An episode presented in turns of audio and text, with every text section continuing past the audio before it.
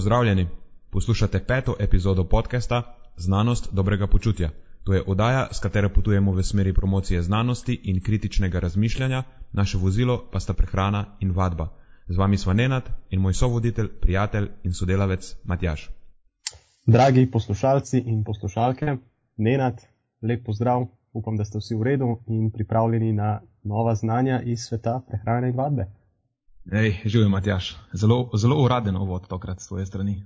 Ja, malo da presekam tiste svoje šalive vode. Odlično, moj je skozi moj skos isti. Povej, uh, o čem si, kakšno opažanja imaš iz preteklega tedna? A bo kar začela z rubriko aktualno. Najbolje, da se malo ogreva okay. pred uh, glavnimi stvarmi. Dobro. Danes imam za to rubriko eno, eno dejansko pomembno stvar, vsaj zdi se mi. Se boš takoj uganil, zakaj gre.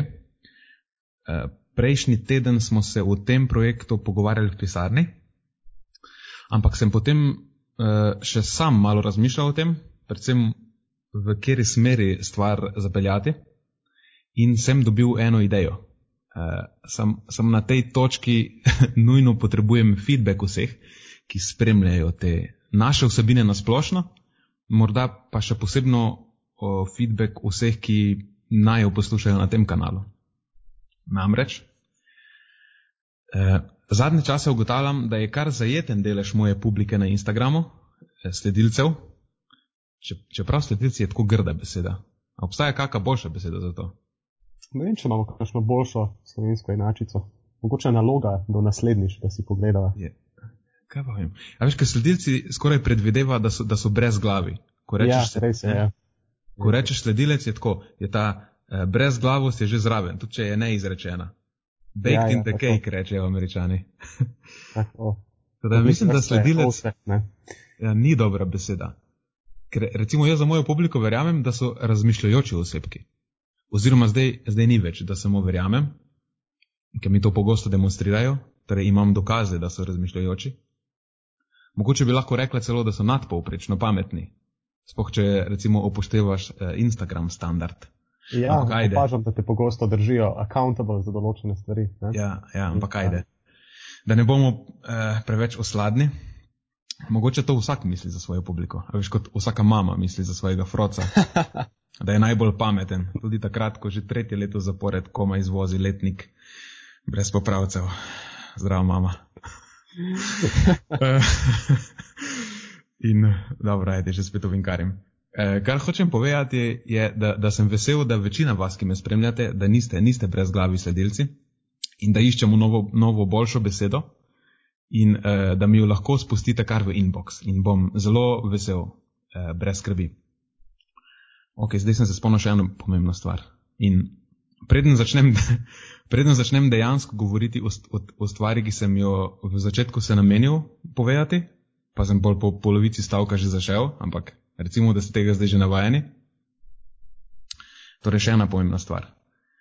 Nekaj vas, nesledilcev, prijateljev kakorkoli vas bomo poimenovali, vas je očitno nekako prišla na idejo, da me direktna sporočila na Instagramu nervirajo.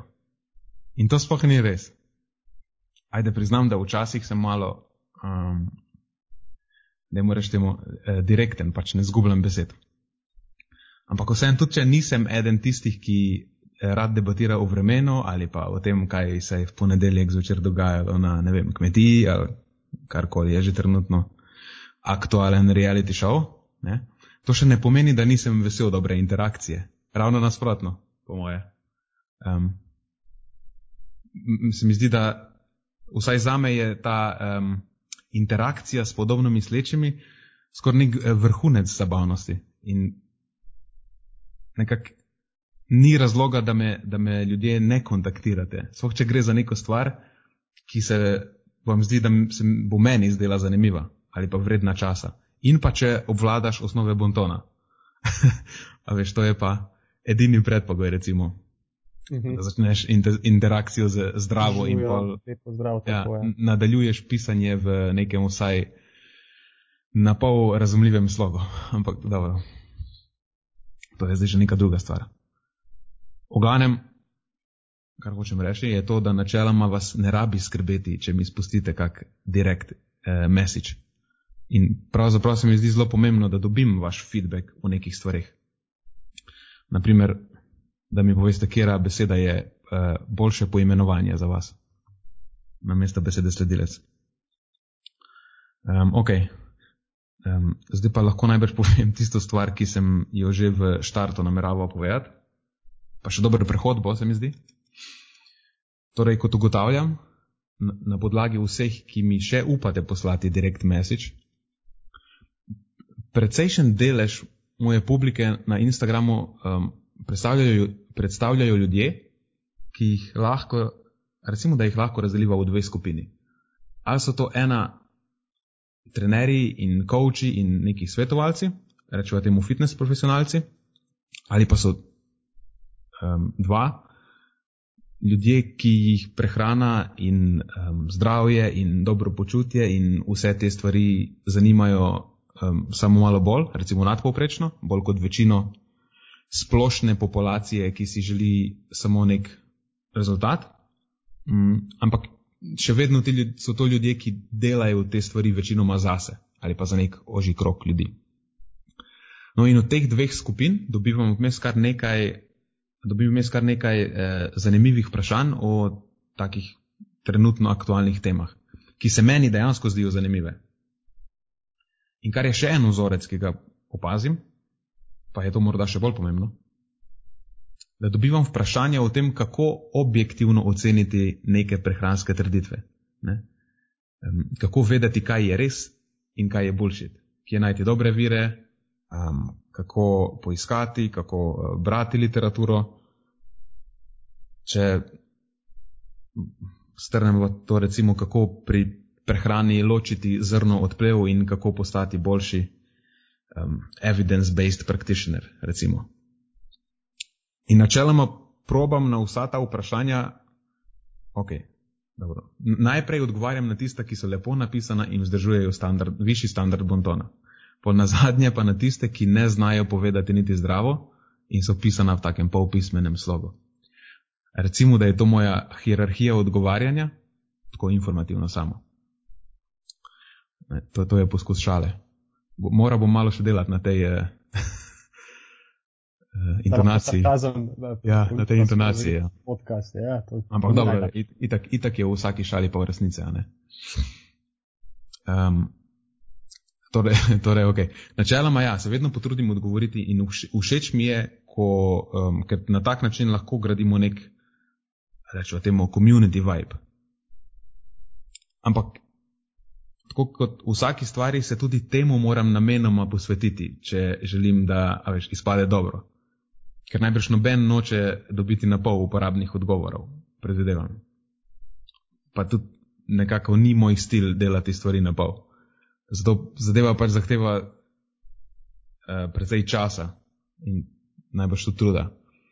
In spoh, če bi to želel početi na višjem nivoju ne, in dejansko producirati vsebino uh, o teh temah, ki vas očitno zanimajo, potem naletimo na težavo, ker moj urnik je precej natrpan in v bistvu nimam veliko prostega časa. In prioritetno pač ta čas, ki ga imam, namenjam stvarem, ki dajo kruh na mizo in držijo streho nad glavo. Mislim, da je to zelo razumljivo. Ampak, ker slišim, kar mi sporočate in bom z veseljem pomagal, če uspemo najti neko um, rešitev za to moje pomanjkanje časa. In uh, s tem v mislih je tukaj zdaj moj predlog. Že nekaj časa razmišljam o enem takem servisu, storitvi, um, o eni, ne vem, na pol zaprti, recimo, kako rečejo temu, mastermind skupini, oziroma eh, v bistvu celo spletni strani, ki bi bila namenjena, um, kako bo rekla temu, eh, nadaljevalnemu izobraževanju o prehrani in kritični presoji literature na področju fitnesa. Evo, to je Oziroma, feel good, nadaljevalni tečaj. Ja, nadaljevalni, tako. Zdaj, dobro, to je ena taka abstraktna ideja. Lahko si to predstavljate tako bolj praktično kot en prostor, skupino, kjer lahko sprašujete vse, kar vas zanima v zvezi s tem, dobite take hitre odgovore, vmes se posname kak video o aktualnih temah, pokažem, kako najti dober vir, kako prepoznati šit raziskavo ali pa trditev nekega guruja. Po recimo um, enkrat na mesec organi se organizira nek webinar in vse so to vsebine, ki jih člani te skupine um, dobijo. V glavnem, to bi bil nek naprednejši nivo za vse, ki bodi si na tem področju delate profesionalno ali pa je ukvarjanje s tem vaš hobi. Zadeva tudi ne bi bila super teoretična, ne bi bila super napredna. Probal bi držati nek tak srednji nivo zahtevnosti, um, ki bi bil uporaben čim večjim in valjda vsebine bi bile poučne, ampak še vedno zelo uporabne v praksi in pri delu z varovanci. Ampak preden se tega resno lotim, um, to je pa zdaj ta moj apel, me valjda zanima, kakšen je sploh interes za kaj takega. Koliko bi vas bilo pripravljenih v neko tako zadevo investirati, recimo, kaj pa vem, tri ali pa štiri kave mesečno. Ker ne, ne bi bila to neka smešna, smešno visoka cena. Um, ker če je to neka ok skupina ljudi, ne mislim karakterno, ampak številčno. um, potem dejansko lahko alociram dovolj časa in truda v ta projekt. Ne, ker če se odlo odločim intenzivno ukvarjati s tem, potem moram odrezati neke druge aktivnosti, ki pa so v tem momentu zame recimo bolj pomembne, v smislu preživetja in eh, ekonomske neodvisnosti. Plus to, da tak servis itak že v osnovi nosi stroške postavitve strani, um, vzdrževati je to stvar treba, predvidevam, da bi moral nabaviti neke dodatne opreme in, in podobno. Tako da, ok, da ne bom predolg. Itak mislim, da sem že preveč časa eh, zapravil za to. Torej, zanima me, kolikšni množici ljudi se zdi takšna zadeva zanimiva. Če bi recimo stala tam nekje, kaj pa, 10 evrov na mesec in bi um, uh, zajemala recimo vem, možnost postavljanja vprašanj v zaprti skupini, povzetke aktualnih dognanj v prehrani, ene dva poučna videa na določeno temo mesečno, pa en webinar lekcijo mesečno. Ne vem, meni se zdi to za 10 evrov mesečno um, super vrednost. Mislim, lahko mi predlagate. Eno izmed bolje vloženih desetih evrov, kadarkoli. Mislim, lahko mi predlagate tudi višjo ceno, ne? Jaz samo vprašam. Tako da, gledaj, v vsakem primeru bom zelo hvaležen, če se mi oglasite v zvezi s tem. Komot mi lahko napišete, da je to šit ideja, tudi to bom, mislim, to bo super, ker potem pač lahko delam nekaj drugega. Če pa se komu to dejansko zdi dobra ideja, pa mislite, da bi imel od tega korist, potem pa dajte me obvestiti, ker uh, v tem primeru pač bom začel hitro in intenzivno delati v tej smeri. Tako da, pač to je moja aktualna stvar ta teden. Odlično. Meni se zdi ta projekt um, ena izvrstna ideja in ta en tak projekt, v katerem bi tudi jaz z veseljem sodeloval. Uh, zdi se mi, da lahko tudi, da imamo kapacitete in pa znanje pri Filgudu, da lahko uh, seveda s tabo na čelo, ne da lahko naredimo ta projekt nekaj, uh, nekaj res dobrega in kvalitetnega. Tako da tudi mene zanima, kakšen bo, kakšen bo interes. Tako da ja, se nam kar oglasite. Tako. A sem jaz to prav videl včeraj, da si ti spremljal um, powerlifting? Uh, Nenad, se vidi, da si zelo zvesti uh, sledilec, pa rekla, da je napačen izraz, ampak rečemo, zelo zvest sledilec. Um, en popravek, to je strongman, ne powerlifting. Um, Tako, ja, moja vodna današnja tema je pa epilog zgodbe, ki mislim, da jo sedaj vlečeva že kar ene par podcastov.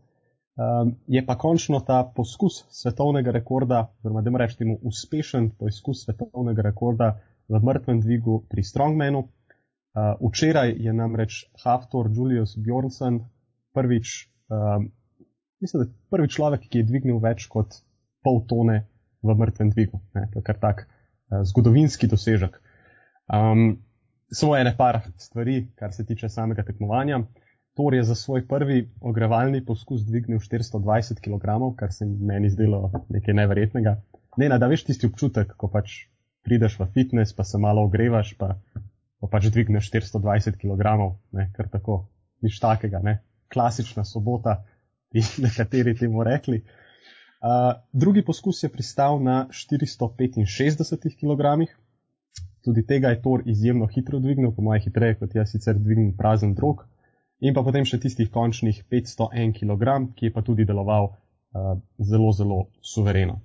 Um, Čakaj, a hočeš reči, da je imel rezerve? Morda nekaj malega. Jaz, uh, jaz mislim, da nekega dne v ne tako daljni prihodnosti, da bi lahko še kaj več iztisnil ven. Um, tako da, noro, a ne? Wow. Wow, tako. Um, je, pa je bil kdo blizu? Njemu? Uh, ja. V bistvu je on je bil edini, ki je to poizkušal na tej dotični tekmi. Um, je letos probaval, zdaj ne vem, 500 ali 501 kg, še en, um, še en gospod Vlad, se mi zdi, da mu je ime. Dvakrat je poizkusil, pa mu ni uspelo. Pa seveda leta 2016, kjer je pa en kg manj dvignil Edi iz um, Združenega kraljestva. Tako da lahko rečemo, da so pravzaprav samo en človek mu bil zares blizu v vsej zgodovini. Tako da, kar zgodovinski dogodek. Um, sicer je bila pa tekma zelo profesionalno izpeljana, no, vsaj za moje lajične oči. Um, vsak kolut posebej so stehtali pred kamero, ne, tako da je bila zadeva res ležit, in pa vsi so bili kalibrirani praktično v nulo. Vmes so tudi štopali čas, Toro so dali točno 15 minut časa med vsemi poizkusi. Um, Zdaj, zagotovo nekako niso mogli popolnoma izenačiti pogojev, ki bi jih sicer imel v pravi tekmi, ampak um, vendarle, nekako so naredili najbolje, kar so lahko iz te dane korona situacije. Torej je bila, ni bilo gledalcev, valjda. Uh, ne, ne, ni bilo nobenih gledalcev, bila je ena majhna ekipa, ki je snemala celotni dogodek v živo, ga predvajala uh, in pa seveda uh, glavni sodnik. In to je bilo to. Aha. Da, torej, to to ni, bila, ni bila prava tekma. Pravzaprav je smatrana je kot prava tekma. Pravi, uporabljali so, eh, naj bi šteli to kot pravi svetovni rekord. Ne. Uporabljali so kalibrirane uteži, eh, potekalo je pod neko organizacijo, uh, imeli so uradnega sodnika iz tega sveta. Tako da ja, nekateri sicer ne bi tega prištevali ne, kot uh, svetovni rekord, ampak uradno bo štet kot svetovni rekord. Zanimiva situacija. Zelo. Pa očitno to tudi ne bo edini tak poizkus. Um, v bližnji prihodnosti bo še kar ene par takih tekem. Uh, nisem prepričan, kdaj bo zdaj to datumsko gledano. Vem pa, da bo eden izmed njih tudi poskus na svetovni rekord v bench pressu. Tako da zdi se mi, da bo mogel svojemu sinu dati ime Julius. Julius je očitno tako zelo močno ime. Ne? Julius je ravno kar naredil svetovni rekord v, be, v, pardon, v mrtvem dvigu. Zdaj bo pa en drug gospod Julius Maddox iz Amerike poskušal dvigniti 800 poundov. Ne vem točno, kaj to pomeni v kilogramih tam okrog 350-360 kg v bench pressu, skratka neke enormne številke. Wow. ja, tako, tako. To nas tudi čaka v neki taki podobni um, zgodbi kot ta mrtvi dvig, ki smo ga spremljali včeraj. To moraš biti neke posebne vrste človek, moraš biti. Ja, nek pol človek, pol, pol bog, ne vem, kako bi, kako bi to kategoriziral. Zelo zanimivo. Me zanima, kaj to pomeni za um, ti nedavni dogodki, kaj pomenijo, oziroma nedavni razvoj dogodkov, kaj pomeni za šport na splošno?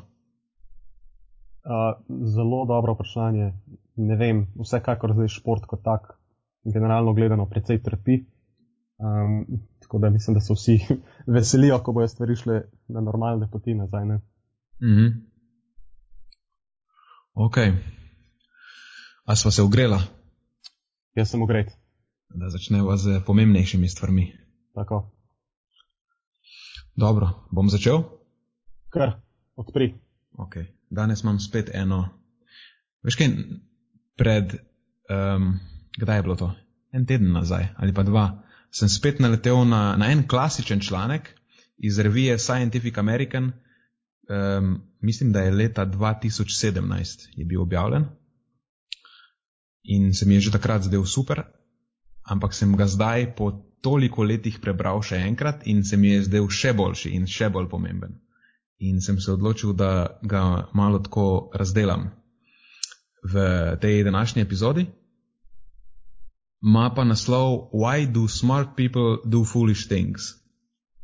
Oziroma v prevodu, zakaj pametni ljudje počnejo neumnosti. In ta članek je res napisan v duhu tega najnega podcasta. Um, in zelo pomemben nauk uh, tega članka je, da inteligenca in kritično razmišljanje nista, nista ista stvar. In da v resnici gre za dve zelo različni in mogoče celo lahko rečemo, da gre za dve popolnoma ločeni stvari. Ne? Če, že če samo razmislimo o tem, kako se inteligenca dejansko meri, ne? kot inteligenčni kvocijent oziroma eh, IQ.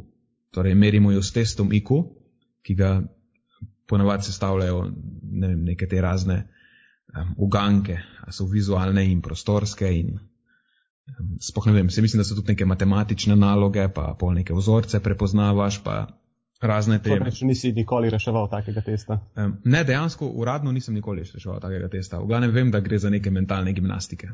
Reševal sem neke neuradne teste, ampak pač um, ne vem, koliko je to zanesljivo. Uh -huh. V glavnem, po domače povedano, um, lahko rečemo, da ta stvar ti nekako izmeri, kako močno mašino imaš v glavi. In drži, da ljudje z močnimi mašinami v glavi so v povprečju bolj uspešni, um, pač bolj uspešni v nekako finančno in akademsko, in načeloma manjkrat zaidejo v težave. Uh, to pomeni v tem klasičnem smislu, uh, rečim, rečemo, da, da pač delajo manj pizdari. IQ torej korelira s tem oziroma je povezan z uspehom v, v življenju. Torej na področju razmerja med IQ-jem in količino pizdari. Količino pizdari, tako, to je pravilen zaključek. In, pod, in to predvsem pač na področjih, kjer, te, kjer je ta moč mašine bolj pomembna. Recimo tekom osnovne, pa srednje šole, pa, no, pa tudi na, na poslovnem nivoju ta zadeva načeloma dobro korelira. Ampak po drugi strani pa je zanimivo, da, da IQ ni nujno garancija za, za zadovoljstvo in dobro počutje. Še manj pa je očitno ta zadeva povezana z občutkom neke um, izpolnjenosti. Recimo. In v, v tem članku pravijo oziroma ugotavljajo, da inteligenca očitno sploh ne varuje pred um, temu rečejo, negativnimi življenjskimi dogodki. Ne, to so recimo problemi v, v odnosih, eh, vem, razne oblike psihološkega stresa, anksioznost, depresija, nezadovoljstvo samim seboj in tako dalje. Um, vse to, našteto, pa je po drugi strani bolj dosledno povezano s kritičnim razmišljanjem. Ker tudi kritično razmišljanje lahko na podoben način zmerimo kot, kot IQ. Obstajajo metode in kriteriji, po katerih eh, se to meri, ko delajo take raziskave. In tukaj je pa povezava dejansko obratna. Torej, bolj kot je nekdo sposoben kritično razmišljati, bolj je zadovoljen s svojim življenjem. Ampak pazite, zanimiva je njihova domneva oziroma razlaga njihova, zakaj je temu tako. Um, najprej kritično razmišljanje, tako pravijo v članku, je, je skupek nekih miselnih sposobnosti, ki nam dovoli razmišljati uh, racionalno, pa ciljno osmerjeno. Kritični misleci, to smo v prejšnji epizodi rekli, so skeptiki. A je bila to tretja epizoda, se mi zdi, pred eh, vprašanja in odgovori epizodo. Možno, aha, vidim, da že. Uporabljam nov termin, ja, ker so me ja. prisilili, so me, da uporabim ta eh, slovenski termin, ampak da spet ne zaidem. V glavnem, skeptik pomeni biti fleksibilen mislec, ne, ki svoje mnenje oblikuje v skladu z dokazi um, in je pač vedno to svoje mnenje eh, pripravljen eh, spremeniti, če se pojavi boljši dokaz. In ta skeptik je tudi dob, dober v prepoznavanju slabih dokazov ali pa stvari, ki niso dokazi, recimo zmotnih argumentov. Um, torej, biti skeptik, biti kritičen mislec pomeni biti sposoben um, preseči to neko uh, človeško nagnjenost k tem raznim miselnim pristranskostim in k temu takemu uh, impulzivnemu čustvenemu razmišljanju. In zdaj ključna stvar pri tem je, da so zaradi tega kritični misleci manj nagnjeni k raznim oblikam teh eh, miselnih distorzij, pa ne racionalnosti. Ne? Um, recimo čustveno ne, ne sklepajo čustveno, ne katastrofizirajo, ne razmišljajo črno-belo, ne prelagajo krivde. Vsi ti vzorci razmišljanja pa so pol točno tisti, ki pa so močno povezani z, z anksioznostjo, z depresijo in podobnimi motnjami v razpoloženju. Ljudje, ki so anksiozni, ki so depresivni ponavadi in čustveno sklepajo, katastrofizirajo, za njih je vse ali črno ali belo, radi prelagajo krivdo, take stvari. In točno to je potem korist kritičnega razmišljanja, ki jo želim jaz, pa v bistvu midva, v tem najnem projektu vsem približati. Ne? Kritično razmišljanje in racionalno sklepanje pomeni imeti kontrolo nad svojim vedenjem in razpoloženjem, kar pomeni manj čustvenih reakcij, manj katastrofiziranja. Recimo, kaj je en tak klasičen primer katastrofiziranja? Je, ko na podlagi ko, ko narediš zaključek, ki ni v skladu s tem, kar ti okolica sporoča, ampak samo narediš najslabši možen zaključek, ki je čustven. Ne? To, je, mislim, to je lahko katastrofalno za tvoje počutje. Ker če, situ, če vsako ali pa večino situacij katastrofiziraš, polvala, da bo to vzelo velik davek na tvoje razpoloženje. Če pa probaš sklepati na podlagi dokazov, koliko je neka, ne, ampak pravih dokazov, ne čustev, čustva, čustva niso dokazi. Um, na podlagi pravih dokazov oceniti, koliko je ta situacija zdaj dejansko slaba ali pa dobra, pa pogledati v neki veliki sliki, pa si lahko precej enih stvari olajšaš s tem. Ne? In pač nagnjenost k temu, k manj katastrofiziranja, manj čustvenih reakcij, manj tega črno-belega razmišljanja, razmišljanja ne? recimo znanstveno razmišljanje je en tak primer, kjer je zelo, zelo veliko sivine vmes, ne? kjer ni samo ali ena ali nula in pol tudi manj nekega prelaganja krivde. Vse to na koncu najbrž pomeni tudi manj anksioznosti, manj razražljivosti, manj depresije. Ni dobro samo z, z, za nas, ampak tudi za našo okolico. Lepše lahko z ostalimi ljudi, ljudmi komuniciramo. In potem posledično bolj smo zadovoljni in bolj fajn se imamo. In pa če se vrnem k tisti prispodobi, da je inteligenca kot moč mašine, je v tem primeru kritično razmišljanje, recimo sposobnost upravljanja s to mašino. In dejansko obstajajo ljudje, ki imajo močno mašino, recimo samo v namen te prispodobe, imajo dober in hiter avto, ampak so za nič vozniki. Slabo upravljajo s tem, ne? so za nič kritični misleci. Ne? Kljub temu, potem, da so skrajno inteligentni lahko, se vseeno pogosto zapletajo v vse sorte neumnosti, ker pač ne znajo voziti tega hitrega avta. In mogoče bi lahko celo naredil primer, da je biti inteligenten in nekritičen še bolj nevarno, kot biti neumen in nekritičen. Ampak dobro, to je zdaj že, eh, to je zdaj že moja predpostavka. No in na podlagi vsega tega bi lahko sklepali, da ni nujno biti genij, v tem smislu, da imaš visok IQ, da bi lahko živel dobro in izpolnen, izpolnjeno življenje. Mogoče bi lahko celo naredila primer, da je um, dobro življenje pa vsem neodvisno od tega. Če bi zdaj kot razmišljam, mo mogoče v nekih skrajnih primerih, ne, ko ima nekdo res zelo podpovprečen IQ, dobro, potem to bo najbrž posledično vplivalo na njegovo kakovost življenja tudi. A pa celo direktno, kaj pa jim. Um, v glavnem, ključno sporočilo se mi zdi, da je to, da so um, predvsem sposobnosti kritičnega razmišljanja zelo tesno povezane z bolj kakovostnim življenjem oziroma z manj negativnimi izidi. Za razliko od inteligence, ki ni tesno povezana s tem in lahko rečemo, da so tisti, ki so sposobni više stopnje kritičnega razmišljanja, precej bolj zadovoljni s svojim življenjem, skoraj ne glede na to, kakšen je njihov IQ. In pri vsem tem je zelo dobra novica to, da je sposobnost kritičnega razmišljanja možno razviti. Ne? Zadeve se je možno priučiti. Česar za inteligenco recimo ne moremo trditi, ker na neki točki na, na IQ, na sam IQ, ne moreš več vplivati. Ker lahko da je močno genetsko pogojen ali pa da se večinoma razvije v otroštvu in je potem v odrasli dobi skoraj, skoraj čist neplastičen. In um, če ste z nama v tej zgodbi, ne, kjer potujemo v smeri promocije znanosti in kritičnega razmišljanja, mislim, da smo na dobri poti.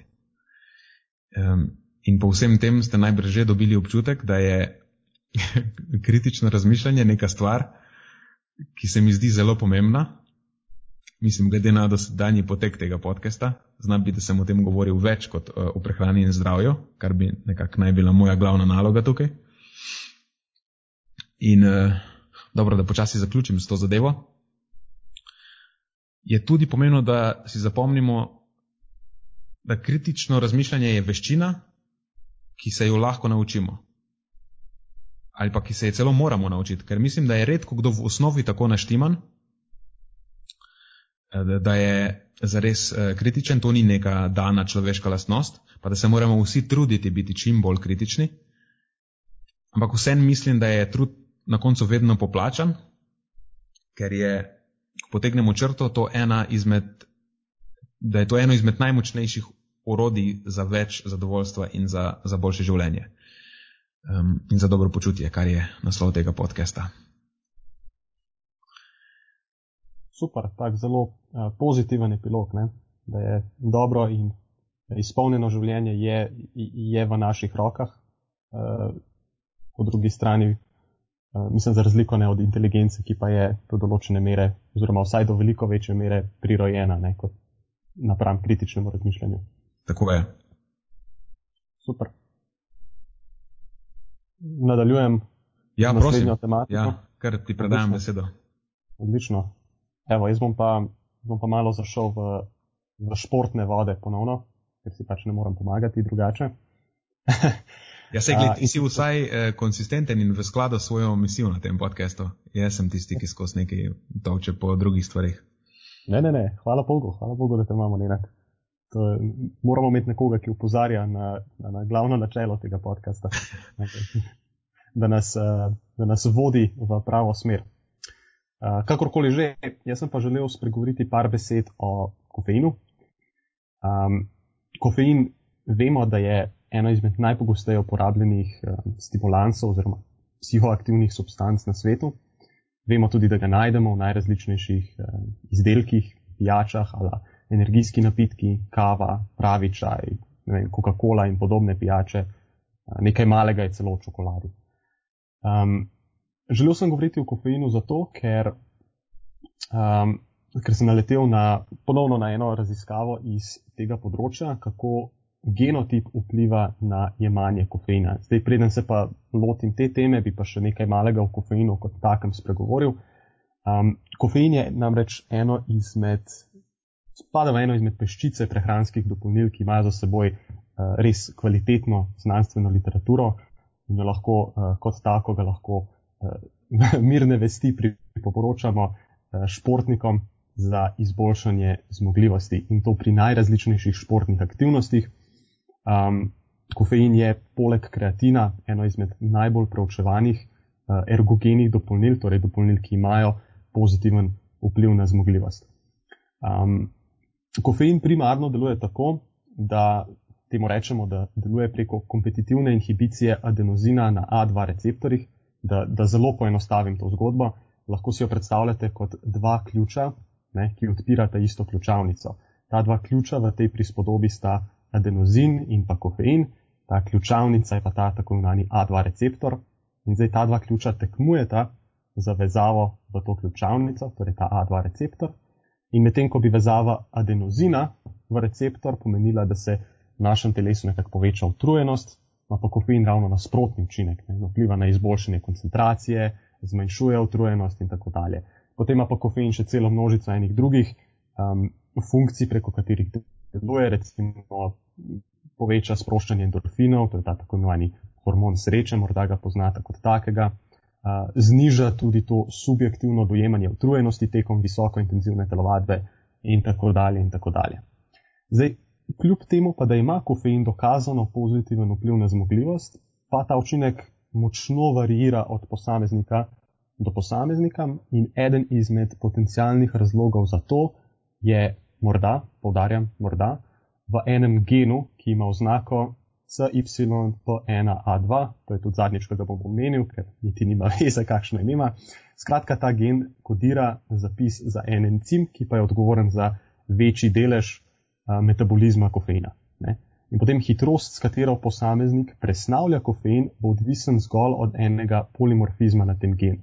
In potem posledično poznamo posameznike, ki bodi si hitro presnavljajo kofein ali pa ki počasneje presnavljajo kofein. Zdaj, zakaj za vraga bi bilo to sploh pomembno? Ne? Zdaj, ukvarjanje s tem, ali nekdo hitreje ali pa počasneje presnavlja kofein, je lahko izjemno pomembno zato, ker lahko s to informacijo potem bolj individualiziramo vnos kofeina. To nosi pomembno implikacijo, predvsem za vrhunske športnike, ker želimo optimizirati vsako malenkost, ki jo le lahko. Nekateri morajo enostavno recimo vzeti kofein prej, drugi pa kasneje, da iztržijo ven iz njega tisti želeni uh, učinek. Namreč trenutno imamo eno tako univerzalno priporočilo kofeina in to, da ga vzame približno eno uro pred. Ampak za nekaj rečemo, za večino to ne bo optimalno. Ne? Tisti, ki hitreje presnavljajo kofein, bi koristilo to, da ga mogoče malo hitreje vzamejo. Uh, še posebej pa za tiste, ki počasneje presnavljajo kofein, pa bi jim morda koristilo, da vzamejo kofein kar nekaj časa. Um, tako da trenutno nekaj malega.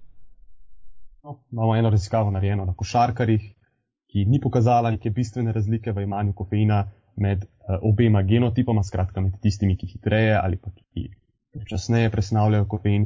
Potem imamo še eno raziskavo, kjer so uh, odkrivali, kakšen je vpliv genotipa na performance pri Wingate testu. Ta Wingate test, mimo grede, to je tak uh, precej zahteven test, ki se opravi običajno na sobnem kolesu, kjer mora posameznik uh, kolesariti pri maksimalni hitrosti ob določenem nastavljenem bremenu. Pa vam povem iz izkušenj, ker sem že večkrat to sprobal, uh, je precej zahtevna zadeva. Potem imamo pa še eno raziskavo, ki je pokazala, da obstaja um, precejšna razlika med, no, pa neka zmerna razlika med obema genotipoma, uh, v odvisnosti od tega, kdaj vzamejo kofein, ko opazujemo zmogljivost pri vadbi s bremenom. In na koncu pridemo še na to današnjo raziskavo, ki je bila pravzaprav inspiracija za današnji podcast in je išla par tednov nazaj pod vodstvom raziskovalcev Grgič in sodelavci. Um, bova tako tako nalepla to raziskavo ne, v, v footnote. Ja, vse zdaj. raziskave dajo v šovnovce. Tako, tam se bo nahajala, če vas bo kaj slučajno zanimalo. Uh, no, skratka, v raziskavi so opazovali, če obstaja kakšna razlika med tema obema genotipoma, skratka tistimi, ki hitreje ali pa počasneje presnavljajo kofein, Um, seveda, genotip so odkrili s pomočjo nekega predhodnega genetskega testiranja, potem pa so vzeli kofein v količini 3 mg na kg telesne mase. Um, da si predstavljate za enega 70 kg težkega posameznika, um, to so kar ene dve, tri močne kave, a je tako ne, nekaj v tem stilu. Ne? Mm, ja, nekaj takega. Tam cirka 200 mg kofeina, no, tako čisto. Mm, recimo, taka ena zelo srednja kava ima nekje 50 mg kofeina. Potem pa mogoče um, ena, ena srednja kava, pa en velik monster. Evo, tako moče si boste lažje no, predstavljali. Ja. In to je tudi neka praktično izvedljiva zadeva. Ja, ja, ja, tako je. Potem pa so testirali maksimalno moč v bench pressu, um, vzdržljivostno moč, to je v bistvu koliko ponovitev lahko naredijo posamezniki pri Eh, določenem procentu tistega maksimalnega moči na bench pressu, Wingate test so tudi naredili in tako dalje. Na koncu niso odkrili nobenih bistvenih razlik med vsemi temi testi. Um, Omenil bi seveda to, da je literatura tukaj še dokaj v, pomoj, v povojih, pa zanimivo bo videti, kako se zadeva razpleta v prihodnosti. Uh, meni se vsaj ta tema zdi izjemno zanimiva. Moram tudi reči, da že nekaj časa s svojimi športniki v okviru našega športno-prehranskega coachinga tudi prakticiramo to, da iščemo tisti optimalni čas jemanja kofeina v obdobjih, seveda, stran od tekmovalne sezone, ne, ko pride tekma, mora biti vse skupaj samo še rutina. Uh, seveda tudi ne delamo nekih genetskih testiranj prej, pa jih tudi ne rabimo. Ne, se v končni fazi tudi nekako precej hitro vidiš, kdo malo hitreje, pa kdo počasneje presnavlja kofein v, na podlagi feedbacka, ki ga dobiš od, um, od svojih športnikov. Tako. Mm -hmm. Veš, kaj se meni zdi v tej debati ena super zanimiva stvar? Zdaj, um, uh, ta um, uh, encim za presnovo, ne, um, ta citokrom mhm. 1A2, je res pač od tega je odvisna hitrost presnove. In to ima implikacije za to, kako, um, koliko časa pred aktivnostjo bo to moral nekdo zaužiti, da bo občutil učinek. Ne? Oziroma, kako potem dolgo bo trajala ta aktivnost, uh, potem je to treba upoštevati. Mm, se mi zdi pa bolj zanimiva tista druga stran zgodbe z um, ta, kaj je, ADORA 2A, uh, adenozinski receptor. Um, ker od tega bi dejansko pričakoval, oziroma od polimorfizmov, na, na tem bi dejansko uh, pričakoval, kakšen bo pa, uh, ali bo nekdo imel korist ali pa ne od kofeina sploh. Uh -huh. Je pa res, da ta stvar se mi zdi, da ni zelo dobro raziskana. Ne, ne, vse skupaj je šlo po vojih. Predvsej heterogeno je.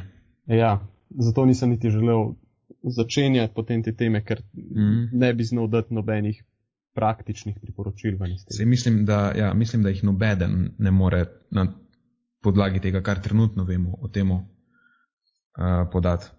Eh, se mi ne. zdi pa samo zanimivo, mislim, zanimivo, pomembno se mi zdi uh, poudariti to, ker doskrat nekdo reče, da um, ne mara kofeina oziroma ne jemlje kofeina, zato ker je, ne vem, občuti to tresavico ali pa ga se začne znojiti ali pa karkoli, nekako mu kofein ne ustreza.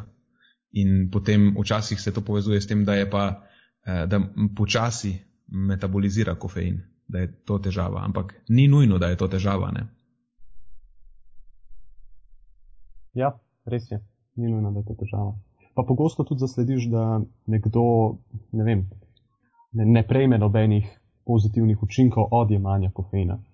Um, pa, pa morda, pa kaj pustimo to, da mogoče res, res ne prejmejo ničesar od tega, mogoče se to tudi potem navezuje ravno na ta timing, o katerem se pogovarjamo. Mogoče mm -hmm. ga vzamejo prepozno, pa sploh ne opazijo tiste efekte, ki bi si jih želeli slabo uro kasneje. Recimo, um, mm -hmm. Ja, Pa precej, ne. Ja, precej nekonsistentnih rezultatov je tudi tukaj, se mi zdi. Um, ki, so, ki potem peljajo tudi do raznih hipotez, ki so te, da so tudi metaboliti potem uh, kofeina tisti, ki so odgovorni za neke učinke, ne nujno direktno kofein. Res je, ja, res je. Tako da to je eno tako področje, ki je res še zelo v povojih, ki si spoh ne bi mislil, glede na to, koliko je dejansko bilo raziskav objavljenih na temo kofeina in športnega performansa za različne športe, um, je kljub temu zelo taka um, mešano na žaro zadeva, kjer imaš in doze so nekonsistentne in viri uh, kofeina so nekonsistentni, timing je ne, raz, raznolik in. Ja, to je kar zanimivo, ja. Ampak se samo vidi, koliko dela nas še čaka na določenih področjih. Ja. Kljub temu, da je bilo že toliko in toliko narejenega. Je pa res zanimivo, da, da niso te stvari malo bolj standardizirane, kar ni v končni fazi ravno najtežje storiti. Um, enostavno se določi neka količina, se zdaj že vemo, kakšna količina ima pozitiven vpliv na zmogljivost, in pa standardizira se, v kakšni obliki se bo ta kofein jemalo. Uh mhm. -huh. in, in to je to. Nič, nič kaj pretirano zahtevnega, tukaj ne, ne zahtevamo. Ne? Uh mhm. -huh. Ja, ima pa kar potencijala ta kofein. Ne samo za fizično zmogljivost, ampak tudi kot uh, uh, nootropik, recimo temu. Tako je, ja. za, za mentalni za, efekt. Ja. Mislim, to bom zdaj malo na pamet, ampak se mi zdi, da je um, bil povezan z boljšo retencijo um, informacij. Recimo, če ga spiješ med, pred tem, kot se nekaj učiš, ali pa recimo uh, pred predavanjem, da potem več informacij lahko zadržiš. To bi bil nekak tak zelo uh, poenostavljen zaključek. Ja, ne, sam, vsi, ja, vsi ja, ne samo kot, ne, ja, ne samo kot um, da ti izboljša nek reakcijski čas ali pa v tem smislu, ampak dejansko tudi kot uh, za spomin. Pogledi puster. Ja. Ja. Zanimivo, ne? Podobno kot, eh, podobno kot kreatin v končni fazi. Na koncu ja. pa vedno pridemo še v ene popolnoma druge sfere, za, za kar se je v originalu uporabljala zadeva. Yep. Ok. to je to za mojo uh, uvodno tematiko. Povej, kako Meni, da sem, da sem jaz na vrsti. Tako je. Predajam. Jaz imam, danes imam na sporedu um, mikrobioto in hujšanje. Wow, to pa je konzerva črva. to, ja, ja, to pa je konzerva črva, ja. konzerva mikroorganizmov. Um, pred, veš kaj, pred kratkim je bila objavljena ena, um, vse o tem se bomo pogovarjali zdaj. Ena, uh, ni sekundarna analiza, ampak je pač prvič so analizirani ti podatki. Um, ampak gre za uh, podatke o spremembi v črevesni mikrobioti iz tiste Diet Fits raziskave Gardnerja in sodelavcev. To je bilo leta 2018. Je bila taka, ne? to je bila odmevna raziskava. Um, in moram priznati, da sem bil kar presenečen, no? ker dejansko nisem vedel, da so takrat jemali, uh, da so odzemali tudi te podatke. Mhm. Da, najprej, če spomnim, zakaj je sploh šlo takrat. Uh, takrat so, mislim, približno 600 ljudem, oziroma 600 ljudi so razporedili na temu so rekli visoko kakovostno nizkohidratno in visoko kakovostno nizkomaščobno dieto, in potem so jih spremljali 12 mesecev z namenom, da bi ugotovili, ali um, ta razlika v ugljikovih hidratih oziroma maščobah v prehrani vpliva na končni rezultat hujšanja. Poleg tega pa jih je zanimalo še, ali ima na to kakšen vpliv genetika, torej ali je odvisno od posameznikove genetike, ali mu bolj ustreza nizkohidratna ali nizkomaščobna dieta, in ali ima na hujšanje kakšen vpliv inzulin. Torej, ali so posameznikove ravni inzulina pomembne pri tem, ali mu bolj ustreza nizkohidratna ali nizkomaščobna dieta. Ok, long story short, po 12 mesecih Eh, spremljanja so ugotovili, da niti delež oglikovih hidratov, niti delež maščob ne vpliva na uspeh 12-mesečne shujševalne diete. In niti genetika udeležencev, niti izhodiščne ravni inzulina, nič od tega ni vplivalo na končni rezultat. Obe shujševalni dieti sta po 12 mesecih povzročili enako izgubo telesne mase. In nauk te zgodbe je, da je za hujšanje povsem nepomembno, kakšen je delež oglikovih hidratov in Eh, maščob v prehrani. No, ampak zdaj v tej naši raziskavi, um, naslova ne izdam, ker bo pokvarilo presenečenje. No, v tej naši raziskavi. Ne, ti ne gre to na živce, ko vse izdajo v naslovu. Ja, Mislim, to je, to je spoiler so, alert, mora dati v naslov. Kao, ne rabim sploh brati ničesar drugega, samo naslov preberem. Ne, ne kar žalosti včasih. ampak dobro, vse ni bilo tako strašno, ker, uh, ampak vse so, ja, marsikaj izdali v naslovu. V glavnem, uh, uh, Fragiadakis in sodelavci, to so sodelavci od uh, Gardnerja, so vzeli podatke teh 49 udeležencev, pri katerih so tekom te Diet Fits raziskave, takrat, to je bilo med leti 2013-2016, v času, ko je ta raziskava potekala, uh, ne, pri njih so spremljali tudi um, spremembe v sestavi njihove črvesne mikrobiote skozi, skozi ta proces. In zanimalo jih je, ali je črvesna mikrobiota kakorkoli povezana z uspešnostjo hujšanja, um, oziroma še bolj, ali obstaja kakšna indikacija, da bi lahko izhodiščen status mikrobiote, to, kakšna je bila njihova mikrobiota v prednjem so začeli, ne, če bi lahko to pomagalo predvideti, kako uspešno bo njihovo hujšanje. Te vzorce so jim potem odzeli Eh, petkrat tekom teh 12 mesecev. Ne. Preden so začeli, po treh mesecih, po šestih mesecih, po devetih in po dvanajstih, praktično na, na vsake tri mesece. In kot smo že rekli v začetku, v obe skupini sta v poprečju, ne, obe tako nizko oglikohidratna kot nizko maščobna skupina, sta po 12 mesecih izgubili približno enako količino telesne mase in približno enaka je bila tudi variabilnost v teh rezultatih.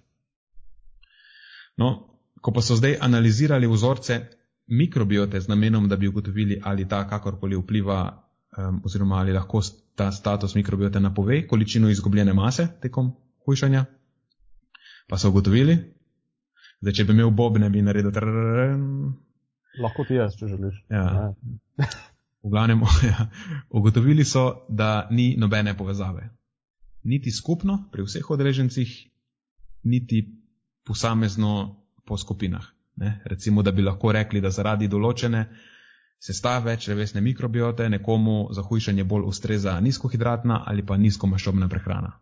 Nič. Nobene povezave. In kar se tega tiče, so po, potem zaključili, da niti izhodišna mikrobiota, niti kasnejše spremembe v mikrobioti niso uh, bile indikator uspešnosti hujšanja. Pa pa naslednja stvar, ki jih je zanimala, je bila pa, um, kako se bo tekom teh 12, oziroma kako se, ja, kako se je tekom teh 12 mesecev sestava mikrobiote spreminjala. Bodi si glede na razliko v prehrani ali pa na količino um, izgubljene mase. Ker kar se tiče prehrane, so imeli eni višji vnos ugljikovih hidratov, drugi pa so jedli več maščob. In povišan in znižan vnos obeh teh makrohranil je pač znan, da lahko povzroči spremembe v črvesni mikrobioti. Ampak pazi zdaj to. Po treh mesecih je res prišlo do zaznavnih sprememb. Ne? Njihova mikrobiota se je očitno odzvala na spremembe v prehrani. Pri nizkohidratni skupini drugače kot pri nizkomaščobni skupini. Ampak potem pa že pri šestih mesecih in še bolj pri dvanajstih mesecih se je zadeva normalizirala. In med sestavo na, eh, pred začetkom raziskave in sestavo po dvanajstih mesecih ni bilo nobene pomembne razlike. Samo, ja, ampak če, dobro, če pa dobro premislimo, ti, deja, ti rezultati, sej, bil sem na začetku malo presenečen, samo potem, ko se spomniš, kako je dejansko ta Dietfits eh, raziskava bila zasnovana, je, eh, ni v bistvu tako zelo nepričakovano. Ker dejansko potrjuje stvar to, kar že vemo. Ne? Da je črvesna mikrobiota odraslih ljudi v kontekstu neke relativno kakovostne prehrane precej robustna. In ne, na tej točki potem pride upoštev to, da sta obe skupini sta bili na visoko kakovostni prehrani. Ne? Obe skupini sta uživali precej vlaknin, obe sta imeli precej zmeren vnos maščob in pač v tem kontekstu so te ugotovitve pač niso tako nenavadne. Torej, ne glede na to, kakšna je bila razlika v oglikovih hidratih in uh, maščobah, kljub temu, ne, kljub temu, da je bila kar precejšna ta razlika, da je šlo za dve dieti, ki bi jo marsikdo smatral, da sta iz, iz nasprotnih eh, polov, um, je ta kakovost prehrane vseeno bila očitno zadosti, da se je zadeva normalizirala. In ok, tukaj zdaj moramo izpostaviti eno stvar, spoh v luči teh uh, aktualnih smešnic iz uh, strani raznih ketogurujev ali pa še uh, unih hujših, ki so karnivor manijaki. Ampak to samo, če dobim zeleno luč, Matjaš. Vsekakor, imam popkorn pripravljen, tako da ti kar. Ok, ok, cool. Um, torej, iz predhodnih raziskav to zdaj že vemo, da lahko ob pomankanju teh fermentabilnih ugljikovih hidratov in vlaknin pride do negativnih sprememb v sestavi črevesne mikrobiote. Imamo raziskave pri otrocih, To so recimo otroci, ki z ketogeno dieto menedžirajo na zdravila odporno epilepsijo, morajo biti na zelo restriktivni eh, dieti, ketogeni dieti. In pa imamo raziskave na odraslih posameznikih. Um, trenut, zdaj v mislih imam uh, O'Keefa in sodelavce, ker sem glih pred kratkim nekaj brskal po tem njihovem članku. In v njihovi raziskavi so naredili uh, za, zelo zanimivo zamenjavo v prehrani med afriškimi američani, to so African, Americ African Americans, in dejanskimi afriškimi kmeti, eh, ruralci tam nekje v, Af v Afriki. Torej, američanom so dali jesti tradicionalno to tako ruralno afriško prehrano z visoko vsebnostjo vlaknin in škroba in nizko vsebnostjo maščob. Tam afričanom pa so dali zajesti takšno prehrano, kot so jo jedli prej eh, tisti američani. Ne, to je neka precej visoko maščobna prehrana, v njihovem primeru je bilo to 50 odstotkov kalorij je bilo iz maščob in dobrih 20 odstotkov iz oglikovih hidratov. In potem že po dveh tednih so pri Afričanih ugotovili negativne spremembe. Ugotovili so znižano produkcijo srednje verižnih maščobnih kislin in eh, prišlo je do proliferacije, torej eh, povečanja števila bakterij, ki presnavljajo žolčne kisline. In za obe te spremembi imamo precej močne dokaze, obstajajo močne povezave, da poviša, s povišanim tveganjem za obolenja prebavil in tudi za rakaste spremembe.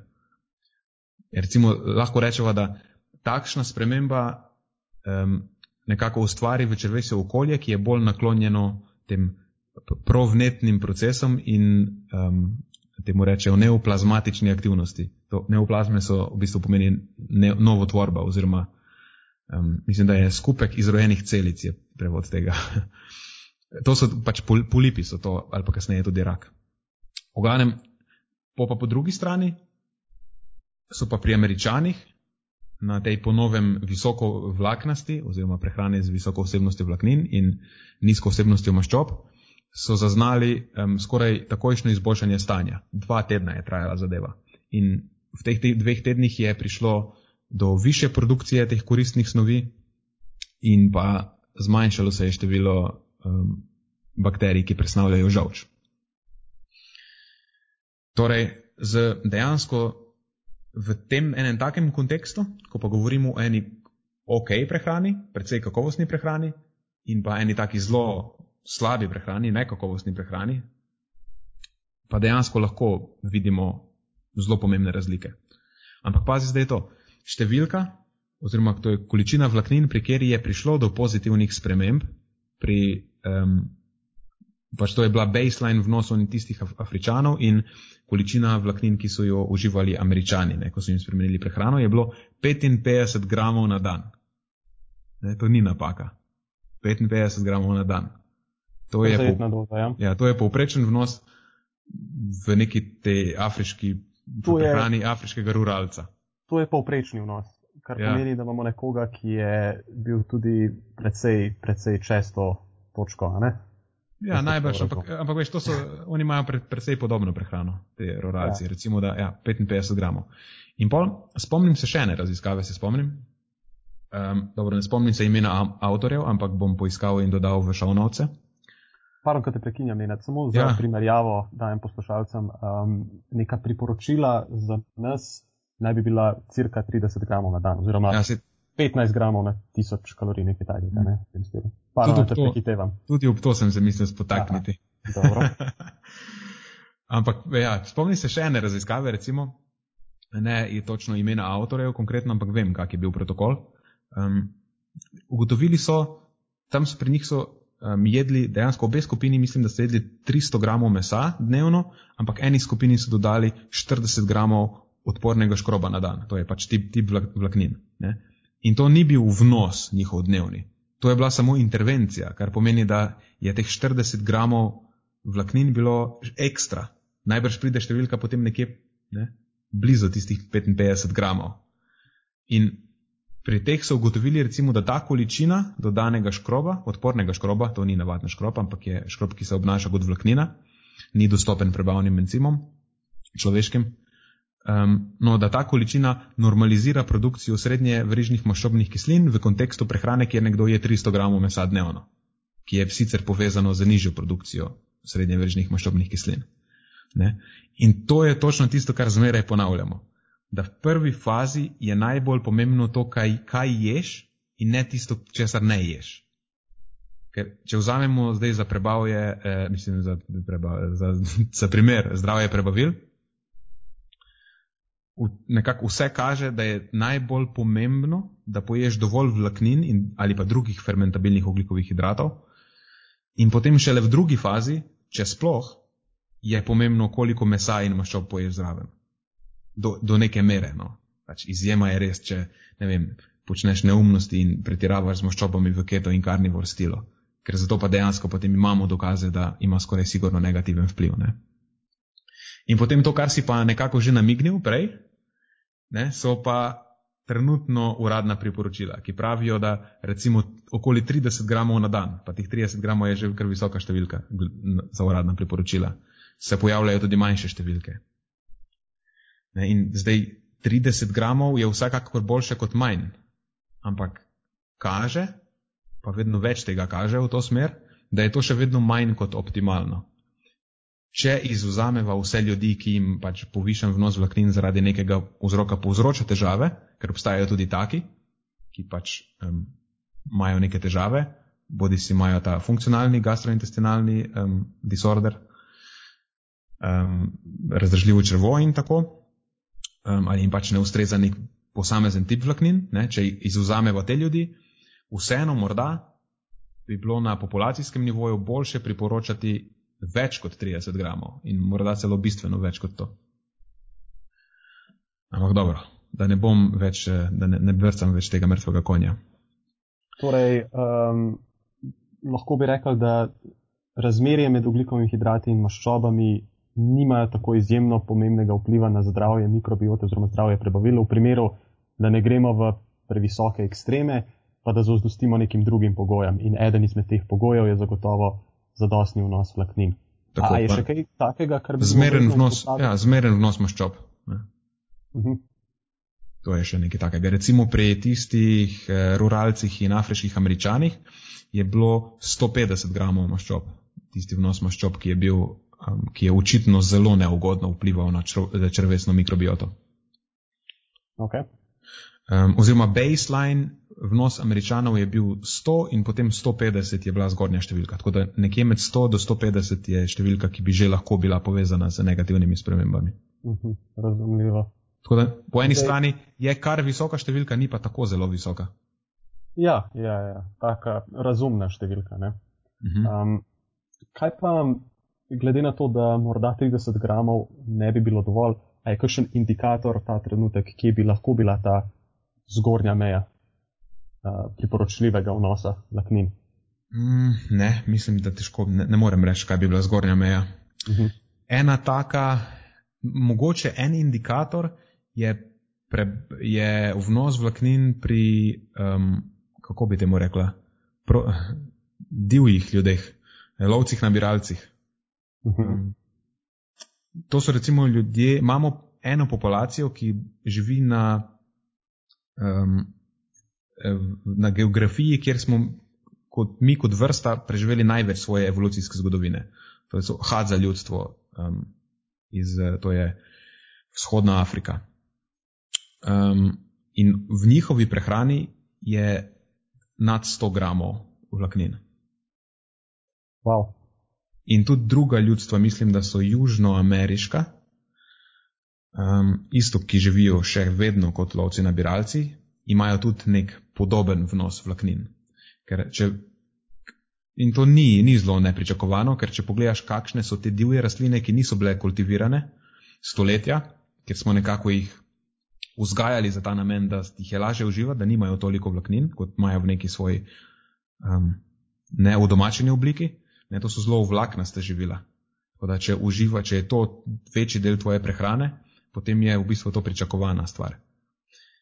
Um, vem za eno tako, um, pa ni to anekdota, ampak je sej, objavljen članek, je antropološki, um, kjer so objavili vsebnost vlaknin teh eh, najbolj pogostih živil v prehrani hadza ljudstva in tudi poročali so o tem, kako to v praksi izgleda, kako oni te stvari uživajo in obstaja nek, eh, ni krompir, ampak je nek podzemni organ neke rastline, ki je tako vlaknast, zelo vlaknast, da ga uživajo tako, da ga žvečijo.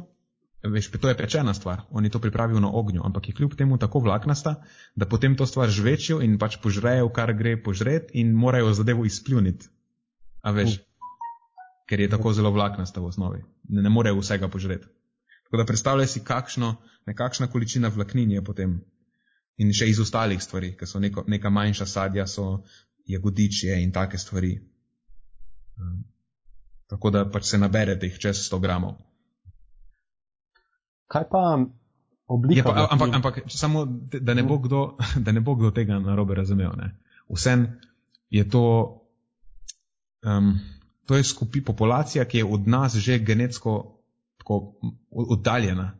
Ne? Mi nismo oni. In tudi vemo, da črvesna mikrobiota um, precejšen del razvoja te, ali pa mogoče celo ves del razvoja um, mikrobiote, kot jo imamo v odrasli dobi, se zgodi v otroštvu. In to so ljudje, ki so v otroštvu že uživali velike količine vlaknin. V tem našem sodobnem kontekstu ne vem, če bi to bila glih zelo dobra ideja, ker nekdo v naši situaciji, pa ki je odraščal na sodobni prehrani, če začne enkrat jesti 100 gramov vlaknin, ne predstavljam si, kaj se zgodi. To je bil zdaj disclaimer, da ne bo nihče tega probaval. Ja, pač ne tega delati. Vemo, podatke imamo, da nekje recimo nad 30, recimo 50 gramov, da se ne zgodi nič kaj takega, sploh če to niso neke vlaknine, ki so zelo fermentabilne. Tako da mislim, da je to bolj smiselna številka. Ja. Ni, ni pa neke zgornje meje. Slišal sem reči tudi uh, Elana Flanagana, da pri vlakninah očitno zgleda, da ni zgornje meje, da je več je boljše skoraj. Sploh še upoštevamo, da nekako vlaknin se ne moreš prenajesti glih. A, veš, kako, a boš pojedel preveč brokolija, pa, pa solate. Ne, ja, vse kaj pa ste že kot kakšnih drugih uh, visoko paletabilnih uh, hranil, ja. manj bogatih živil. Tudi, tudi če dejansko upoštevaš to heuristiko, pa rečeš več je boljše, pa stremiš k temu, da čim več vlaknin probaš na dan pojesti. Nekako sej obstajajo ekstremne situacije, kjer bo nekdo pretiraval s tem. Ampak vseeno mislim, da če samo malo vklopiš zdravega razuma, ne, se ti ne bo kaj takega zgodilo. Zagotovo. Ampak dobro, pazi, ostala nam je še ena stvar, zelo pomembna stvar pri tej eh, fragiadaski sovi raziskavi, ali kako se koži model piše. Um, namreč na sestavu mikrobiote je vplivalo tudi hujšanje. In to spet ni napaka.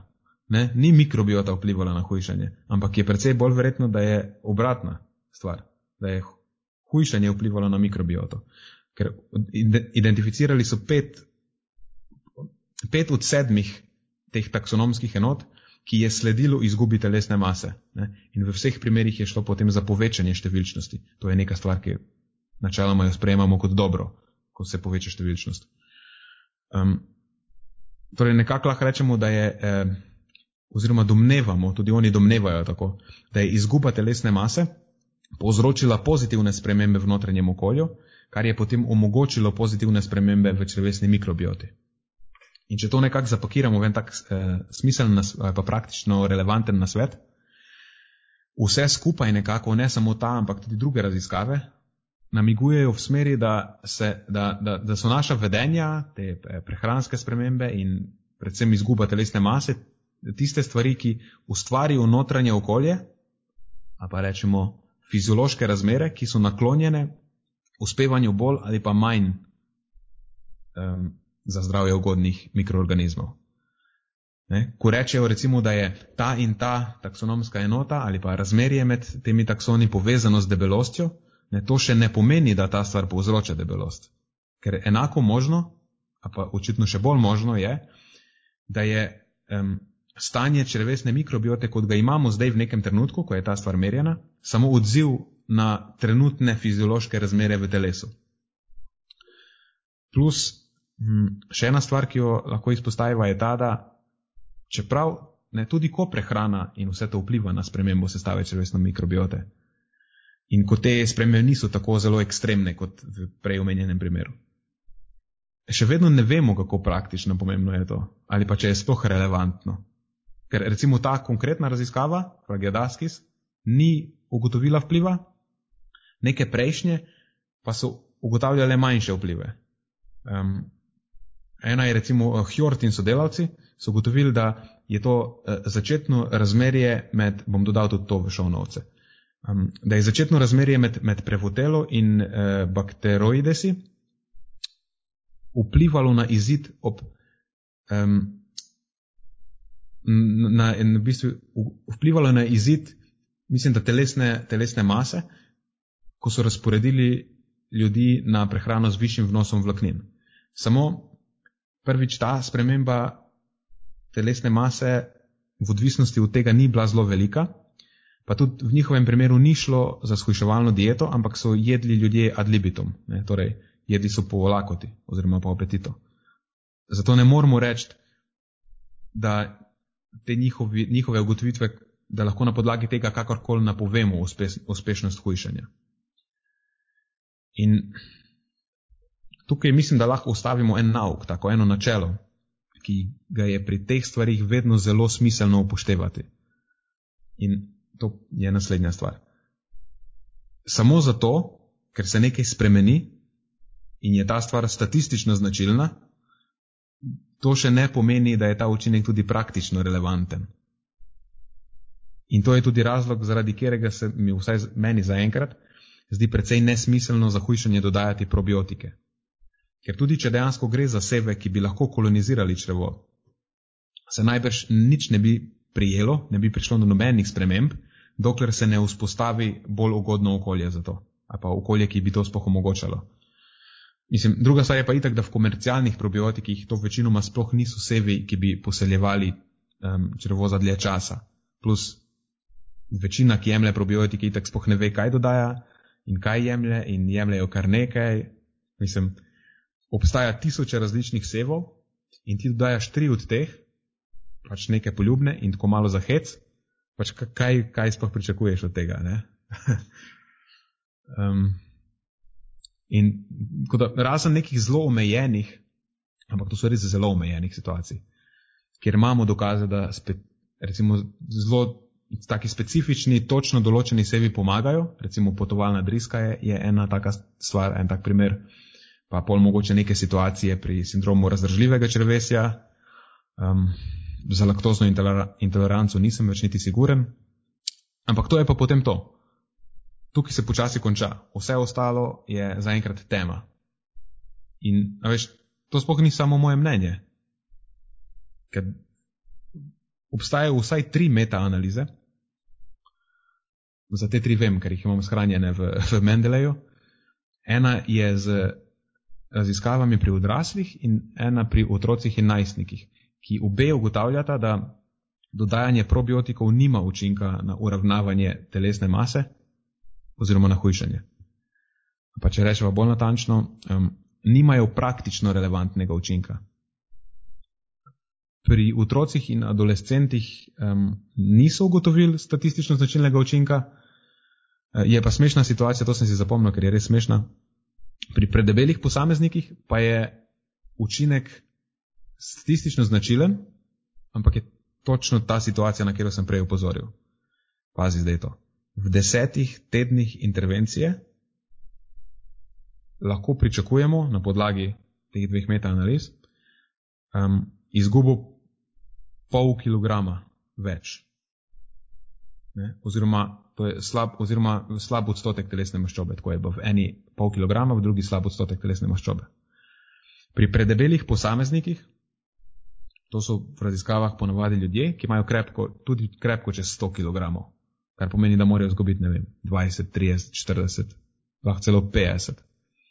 Za njih je teh 0,5 kg v 10 tednih nič, dobesedno nič. Mislim, verjamem, po moje karkoli bi z njimi naredil, bi to bila razlika pol kilograma. Tako da, če potegnem črto, ker spet vidim, da sem predolg, če je cilj hujšanje, potem je obremenjevanje s črvesno mikrofloro, ne po moje je skoraj popolnoma nepomembno. Če pa se kdaj izkaže, da, um, da, gre, da je vplivnik relevanten ali pa statistično značilen, dejansko, pa tudi predvidevam, da bo vse skupaj precej marginalno. In še ena stvar, da nihče ni predebel zaradi slabe črvesne mikrobiote. Ok, nihče je mogoče malo um, pretirana izjava, ampak v veliki večini primerov, ampak res v veliki večini primerov, ljudje niso debeli zaradi slabe črvesne mikrobiote. Če že kaj, potem um, po moje je črvesna mikrobiota, mikrobiota slaba zato, ker je nekdo predebel. Um, to je nauk današnje zgodbe. Ja, zanimivo. Ne se podobna zgodba je v končni fazi tudi s kakšnimi drugimi parametri, ne? recimo ne vem, s hormoni ali pa z lipidnim profilom. Vem, da se pogosto ukvarjajo ljudje s tem, da bi radi optimizirali to, pa tisto, pa bi bilo bolj smiselno, da se enostavno ukvarjajo s tem, da imajo primerno telesno maso in telesno sestavo. Uh, vse ostalo bo pa sledilo temu, ne, kot posledica tega. Bi rekel, da je to nekaj podobnega. Ja, vsekakor. Te stvari, ki so mrljive um, na, na ta način, recimo tudi mikrobiota, pa um, kot praviš, lipidi, to so ne, trigliceridi, recimo uh, holesterol, LDL, HDL, um, krvni sladkor. Ne. Ja, to so vse stvari, ki so odziv na neko situacijo ki je kot neka lučka na armaturki. Zdaj, pri črvesni mikrobioti je zadeva mogoče malo bolj vključena v neke druge stvari, pa dejansko potem ima še neke te downstream učinke, ampak se dejansko tudi krvni sladkor ima lahko potem ne, downstream učinke in vpliva na neke druge, na neke druge stvari. Mogoče malo manj, ker vseeno mikrobiota je neka živa stvar, ki je ločena od nas, pa mogoče zaradi tega, zdaj, ali jo samo dojemamo kot neko tako zelo drugačno stvar, je, to je pa že druga debata. Ampak ja, to je čist dober zaključek. Da so te stvari načeloma samo odzivi na, na naše splošno um, zdravstveno stanje, ampak tako kot pri vseh ostalih stvarih, ko je neka stvar izven, ko ne deluje tako, kot bi mogla, normalno, ali pa rečemo temu zdravo, potem bo zaradi tega valjda trpele bodo neke tudi druge stvari, ker je v telesu vse povezano. Odlično, odlično.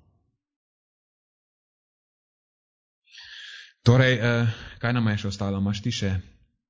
Aha, jaz imam še eno temo iz sveta športne prehrane. Um, in sicer veliko ljudi ta trenutek, seveda zaradi dane situacije, vidim telovaditi zunaj, kar je odlično. Uh, predvsem pa vidim veliko ljudi, kako tečejo zunaj, tudi jaz sem eden izmed njih. In ravno zato mi je ta tema prišla ponovno na misel. In sicer, kakšne so potrebe športnikov, vzdržljivostnih športnikov po beljakovinah. Namreč zdi se mi, da še vedno prevladuje neka taka dogma, da vzdržljivostni športniki ne potrebujejo toliko beljakovin ali pa vsaj ne potrebujejo toliko beljakovin napram e, športnikom, ki se vdejstvujejo v športih s podarjeno komponento moči, hitrosti in eksplozivnosti, če se jih nimajo tok mišične mase.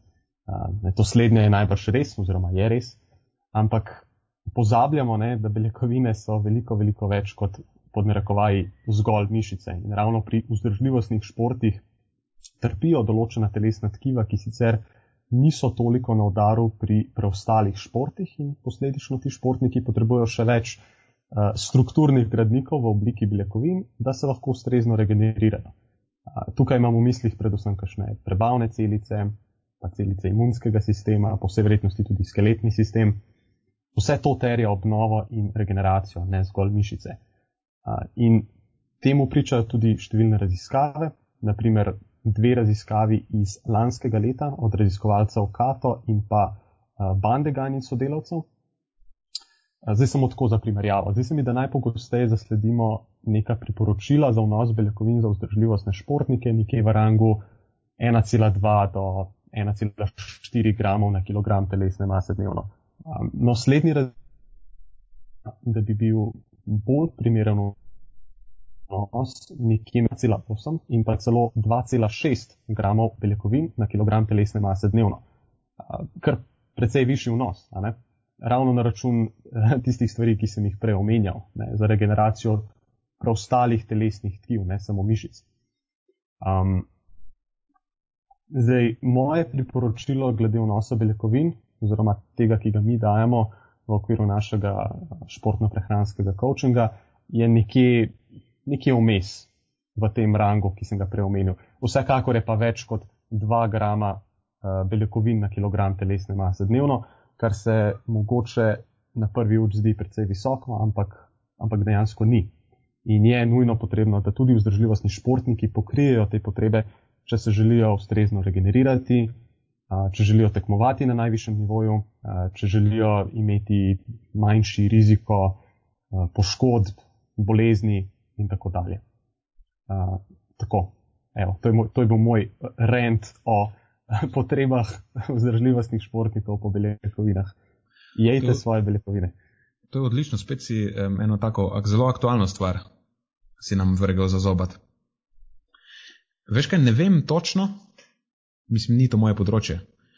Um, a obstaja kakšna raziskava, kjer so um, ugotavljali povezavo vnosa beljakovin z pojavnostjo teh raznih eh, respiratornih um, ne vem, okužb, obolenj?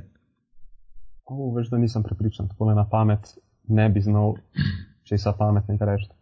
Ker prej si omenil, da pa to vemo, da je zelo res,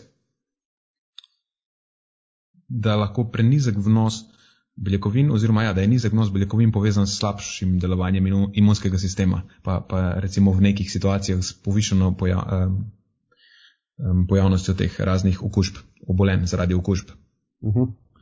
In si predstavljam, da recimo zdaj v tej situaciji, ker vsi želimo zelo poskrbeti za svoj imunski sistem, pa po eni strani eh, smo se odločili, sploh če recimo prej nekdo ni bil zelo aktiven, pa se je zdaj odločil v redu. Vem, da je Ne, očitno ugotovil je, da je fizična aktivnost tudi pomembna komponenta vzdrževanja zdravega imunskega sistema in je začel um, tekati, ampak je ob tem pozabil zaužiti dovolj beljakovin oziroma se ne drži tvojih priporočil, bi to lahko utegnilo biti um, pa mogoče ne slabo, ampak nekaj, kar bi bilo smiselno zakrpati, če želi optimizirati tudi koristne učinke zdaj povišene stopnje fizične aktivnosti na, na svoj imunski sistem. Ja, definitivno, to si, to si dobro izpostavil. Um, če se že udejstvujemo v takih športnih aktivnostih in sploh v tem obdobju, ki se nahajamo ta trenutek, bi bilo zelo smiselno, da po tem telesu dejansko damo tiste gradnike iz prehrane, zato da lahko, uh, da lahko telo potem naredi svoje. Ne? Če, če mu samo dajemo nek dražljaj, pa ga, pa ga rušimo, pa po drugi strani ne dajemo teh gradbenih materijalov, si v končni fazi zagotovo ne delamo neke pretirane usluge, oziroma lahko bi si delali boljšo uslugo. Ja. Če glih zdaj, ko to govoriš, razmišljamo o situaciji, kjer pa dejansko si lahko narediš eh, ne uslugo, ali pa si narediš celo škodo. Ker vemo, recimo, da je količina mišične mase, ki jo imamo, tudi eh, pomemben dejavnik pri tem, kako uspešno se bomo borili z neko okužbo. Ne? Ker telo v prvi fazi mobilizira tudi beljakovine, ki jih potem potrebuje za izgradnjo teh svojih rečeva vojakov, za borbo proti imunosti, ne mobilizira tudi beljakovine iz, iz mišične mase. In več mišične mase, kot imaš, um, lahko nekako sklepaš, da boljše se boš boril proti tej okužbi, ali pa boljši bo recimo potek tvoje bolezni. Uh, mislim, da to ni neka zelo za lase privlečena predpostavka.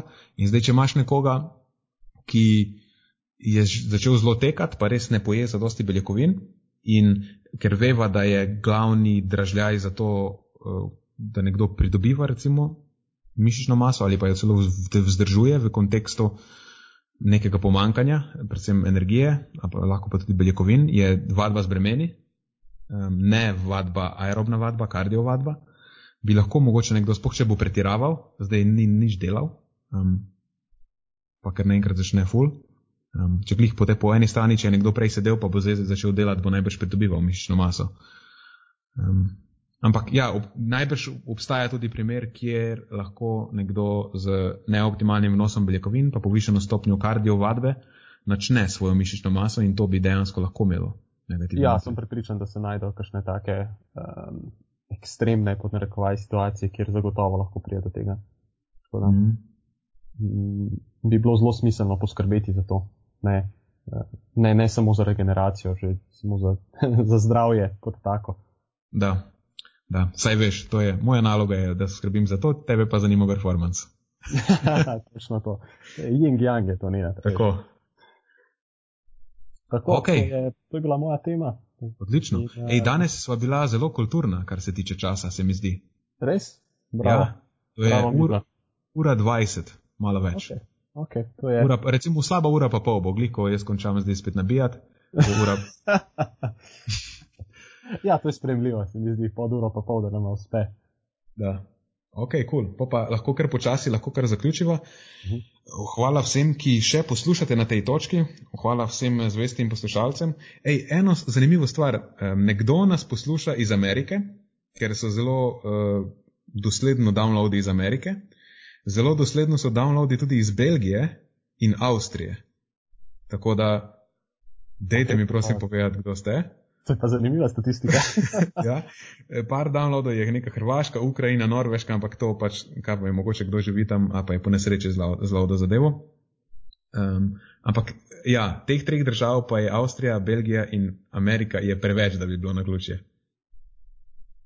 In, in dosledno so, veš, ko vidiš iz epizode v epizodo, kako se naraščajo linearno. Ne? Da očitno nekdo posluša zadevo. Ok, vrhunsko. No, skratka, ja. lepo zdrav tudi tem poslušalcem. E, do ja, te pač... točke sem mislil, da naslavljam samo nas, e, slovence tukaj v Sloveniji, ampak me veseli, da, da se najdete še druge.